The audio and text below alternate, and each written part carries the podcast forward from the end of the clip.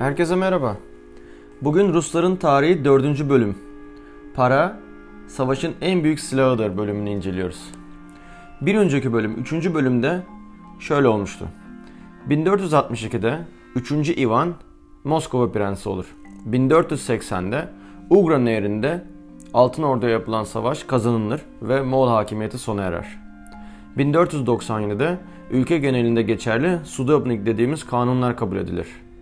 1533'te 4. Ivan, Korkunç Ivan 3 yaşında prens olarak taç giyer. 1547'de kendini Rus çağrı olarak ilan eder. Bizans'ın devamı olarak. 1549'da Zemski Sabor dediğimiz toprak sahipleri toplanırlar. 1550'de yeni kanunlar çıkarılır. Strelsi dediğimiz ordu birlikleri kurulur. 1551'de Kazan Hanlığı fethedilir. 1565'te Korkunç Ivan Oprichnina dediğimiz bir sistemle kendine Novgorod tarafında topraklar edinir ve kendi kişisel ordusunu kurar. 1584'te Ivan ölür. 1605 ile 1613 yılları arası kaosun hüküm sürdüğü Fetret devridir. 1613'te Mikhail Romanov yeni çar olarak seçilir. Bugün Moskova Nehri'nde 98 metre yüksekliğinde tonlarca çelik ve bronzdan yapılmış bir heykel büyük bir gemi heykelinin üzerinde Büyük Petron'un Petron'un heykeli vardır. Moskovalıların nefret ettiği bu heykel 1997'de Columbus'un Amerika'yı keşfinin 500. yıl anısına yapılmış. Amerika'da bir sponsor bulunamayınca Columbus'un kafası değiştirilerek Peter yapılmıştır. Peter ve Petro aynı. Farklı söyleniş. İşin komiği Peter Moskova'yı sevmezdi. Bu yüzden de St. Petersburg'u kurmuştu. Heykelin St. Petersburg'a taşınması St. Petersburglar tarafından reddedilmişti. Peter Avrupalı, batılılaşmayı savunan bir adam olduğu için bu heykel aslında ona uygun olur. Ama sakal tıraşı zorunluluğu veya batılı kıyafet giymek sizi batılı yapmaz. Ama gene de her şeyin üstünde duran bir Peter, Petro heykeli konumuza çok uygun olacaktır. Çünkü her şeyi öğrenmeye meraklı, tüm Avrupa'yı gezmiş bir adam Rus tarihini değiştirecektir. Korkunç 4. Ivan'dan sonra ülkenin başsız kaldığı kaosun hüküm sürdüğü yıllardan sonra Mikhail Romanov çar olur. Toprak sahipleri ve halk onun çar olmasını istemişlerdir. Kaos olacağına otoriter bir lider olsun derler. Bu bugün de göreceğimiz Rusların tarihinde önemli bir mihenk taşıdır. Mikhail devam eden İsveç-Polonya savaşlarını durdurmuş, batı sınırlarına kalıcı ordu yerleştirmiştir. Bu Streltsy dediğimiz ordu daha sonra isyan çıkaracaktır. Aynı şekilde Sibirya'nın fethine devam etmiştir. Kosakslar dediğimiz başıboş, maceracı Doğu Slav halklarından oluşan savaşçılar Pasifik okyanusuna kadar Rusya'nın sınırlarını genişletmişlerdir.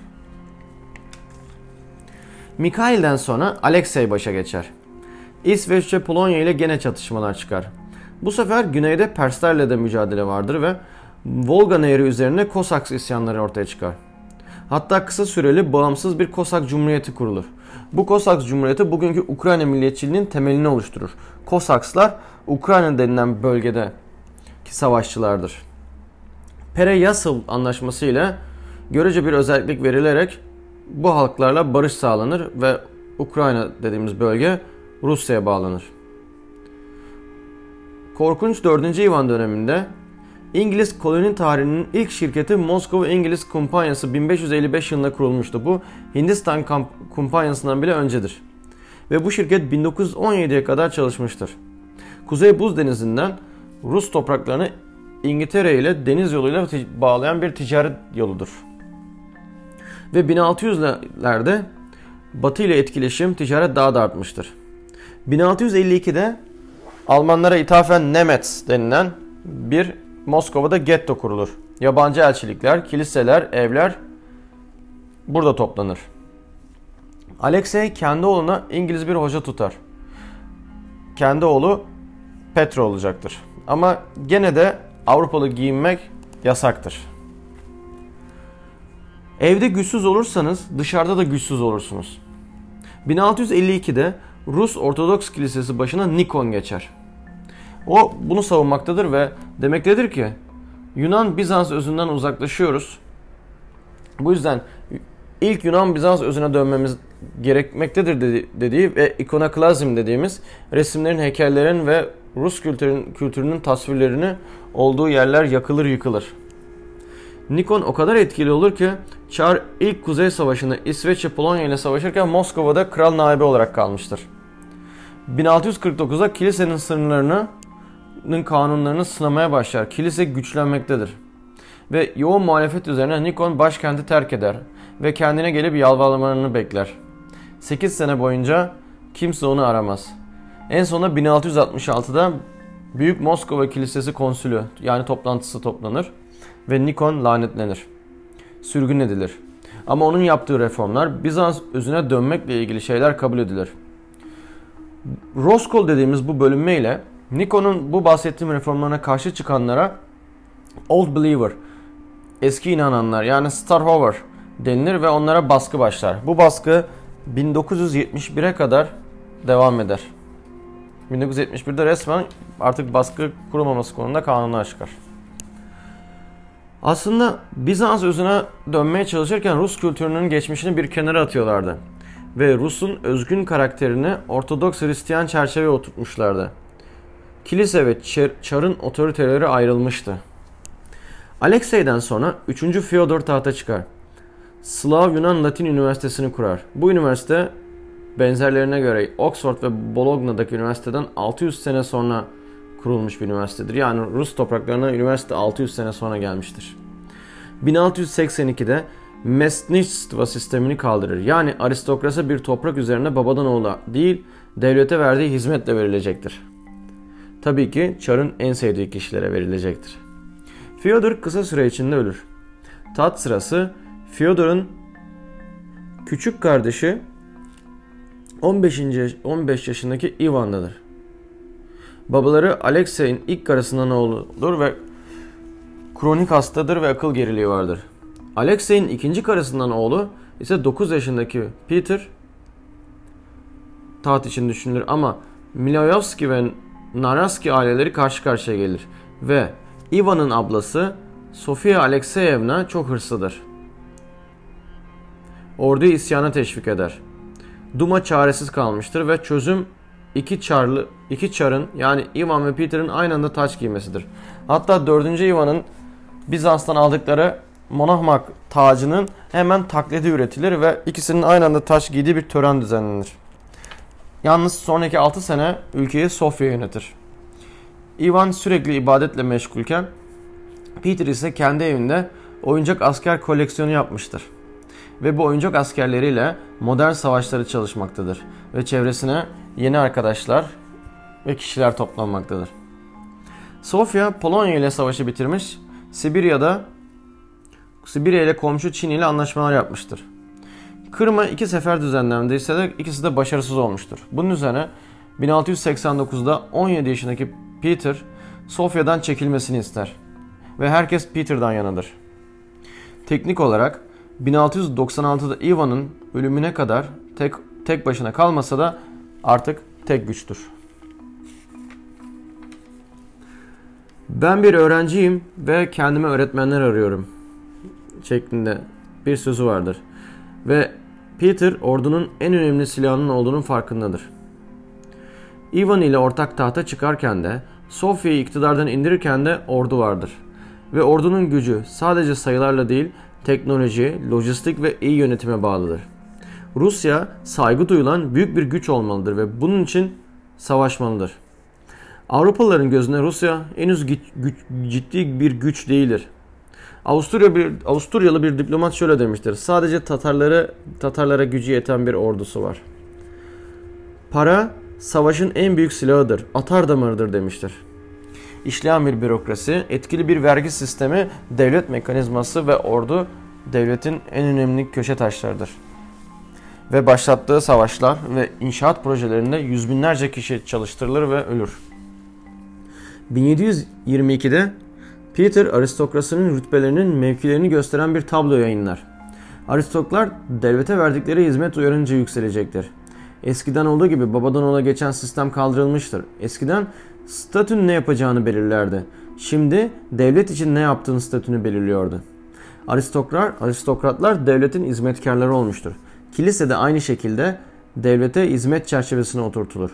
Ve böylelikle kilise devlet denetimine girer. Çocukken öğretmeni İngiliz Patrick Gordon ve İsviçreli Franz Lefort'tu. Hatta Moskova'daki yabancı mahallelerine, Nemetz dediğimiz mahallelere Lefertova denilmiştir bu öğretmene ithafen. 1700'de tüm elitlerin Avrupalı giyinmesi gibi giyinmesi gerektiğini emretmiştir ve sakal tıraşı zorunluluğunu başlatmıştır.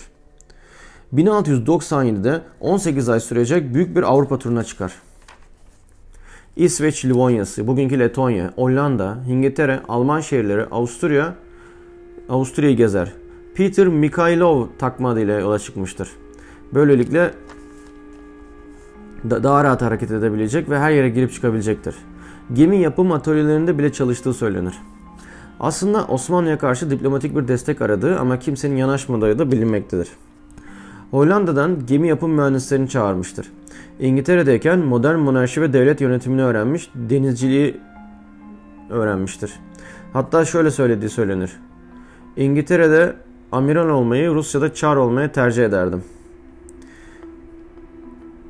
Gezi sırasında rahibi Roman kral naibi olarak bıraktığı Roman çıkan bir askeri ayaklanmayı bastırır. Bunun üzerine Peter kararını verir. Streltsy dediğimiz bu ordu birlikleri kaldırılacaktır. Binlercesi öldürülür, cesetleri sergilenir ve yeri geldiğinde ne kadar sert biri olduğunu göstermiştir. 1703'te İsveç'ten Neva Nehri üzerine bazı toprakları kazanır. Bu boş bataklıklar üzerinde Avrupa tipi bir şehir kurmak ister.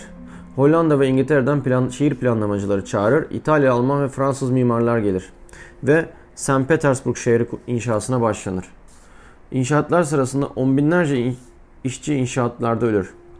Avrupa'ya açılan bir pencere tam bir doğu devleti gibi kurulmuştur. İnsan hayatının bir önemi yoktur. Peter Bizans takvimini bırakır yerine Julian takvimini alır. Sene 7207 iken bir günde 1700 olur. Peter reformist olduğu kadar daha fazlası bir askerdi. 28 yıllık iktidarının 23 yılı savaşlarda geçer. 1700 ile 1721 yılları arasında Büyük Kuzey Savaşı, İsveç ile yaptığı savaşlar, 1722 ve 23'te Pers seferleri önemlidir. 20 işçi ailesinden, hanesinden bir işçi askerliğe alınır ve ömür boyu askerliğe yazılır. Hatta o zamanlar askere seçilenler için yaşayan ölüler denilmektedir. Çünkü ölene kadar askerdir. Eski kaldırılan ordu yerine batı tarzı topçu birliklerinin olduğu ordular kurar. İlk kez bir donanma kurar. İsveç'le uzun bir savaşa girer. Şöyle demiştir. Yenile yenile yenmeyi öğreneceğim. Ve en sonunda Poltava Savaşı'nda İsveç'i yener.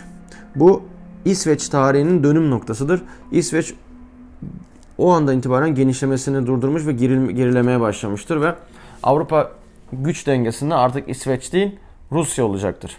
Savaş sonunda İsveç kralı Demirbaş Şarken Osmanlı'na sığınmıştır. Demirbaş denilmesi nedeni bizim koyduğumuz bir takma isim. O kadar uzun süre Osmanlı ülkesinde misafir olarak kalmış ki ona artık Demirbaş demişiz. 1722'de ee, İran'a saldırır. Kafkasya hakimiyeti için İran'ın güç kaybettiğini farkındadır ve Osmanlı'nın doldurulmasından önce kendinin bu güç dengesini doldurması gerektiğine inanmıştır. Ve yeri geldiğinde çok acımasızdır. Büyük oğlunu öldürmüştür. Rusya'yı Avrupa sahnesine çıkaran adamdır. Onun başlattığı başlattıklarını diğer bir büyük olan ikinci Katerina devam ettirecektir. Şimdi kitapta yer almıyor ama ekstra eklemek istediğim konu Türklerle savaş. Bizim tarihimizle bağlantılı olduğu için. İkinci Viyana Seferi sonrası Avrupa'daki ülkelerle büyük bir savaşa giriyoruz. Uzun yıllar sürecek bir savaşa. Birçok Batı ülkesi Polonya'da var savaşanlar arasında. Yani Leistan dediğimiz.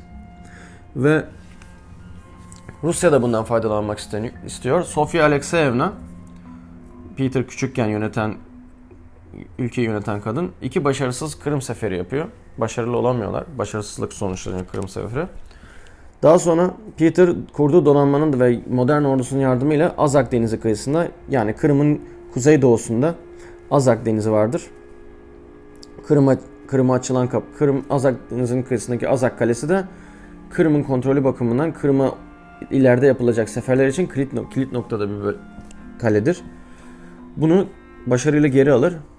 1699'da bütün ülkelerle Karlofça Anlaşması'nı yaparız. Bir sene sonra da 1700'de Ruslarla İstanbul Barışı'nı yaparız ve bu kalenin kaybını kabul ederiz. İsveç, Rusya'ya yenildiği zaman ülkemize sığınan Şarker'in de desteğiyle ve kışkırtmasıyla Rusya'ya savaş ilan ederiz. Moldova bölgesinde Prut Savaşı dediğimiz savaşta 1711'de Rus ordusunu Prut bataklıklarını sıkıştırırız. Meşhur efsanemizdir. Birinci Katerina Baltacı Mehmet Paşa'nın çadırına gelir hikayesi. Onda şöyle geçiyor tarihte. Bu arada birinci Katerina daha sonra yaklaşık bu olaydan 60 sene sonra bizden Kırım'ı alacak olan ikinci Katerina'dan farklı. Bu birinci Katerina. Ve ilk başta bir kölelik köleyken yükseliyor ve bu savaştan sonra Prus Savaşı'ndan sonra da Petro ile evleniyor. Petro'nun karısı oluyor.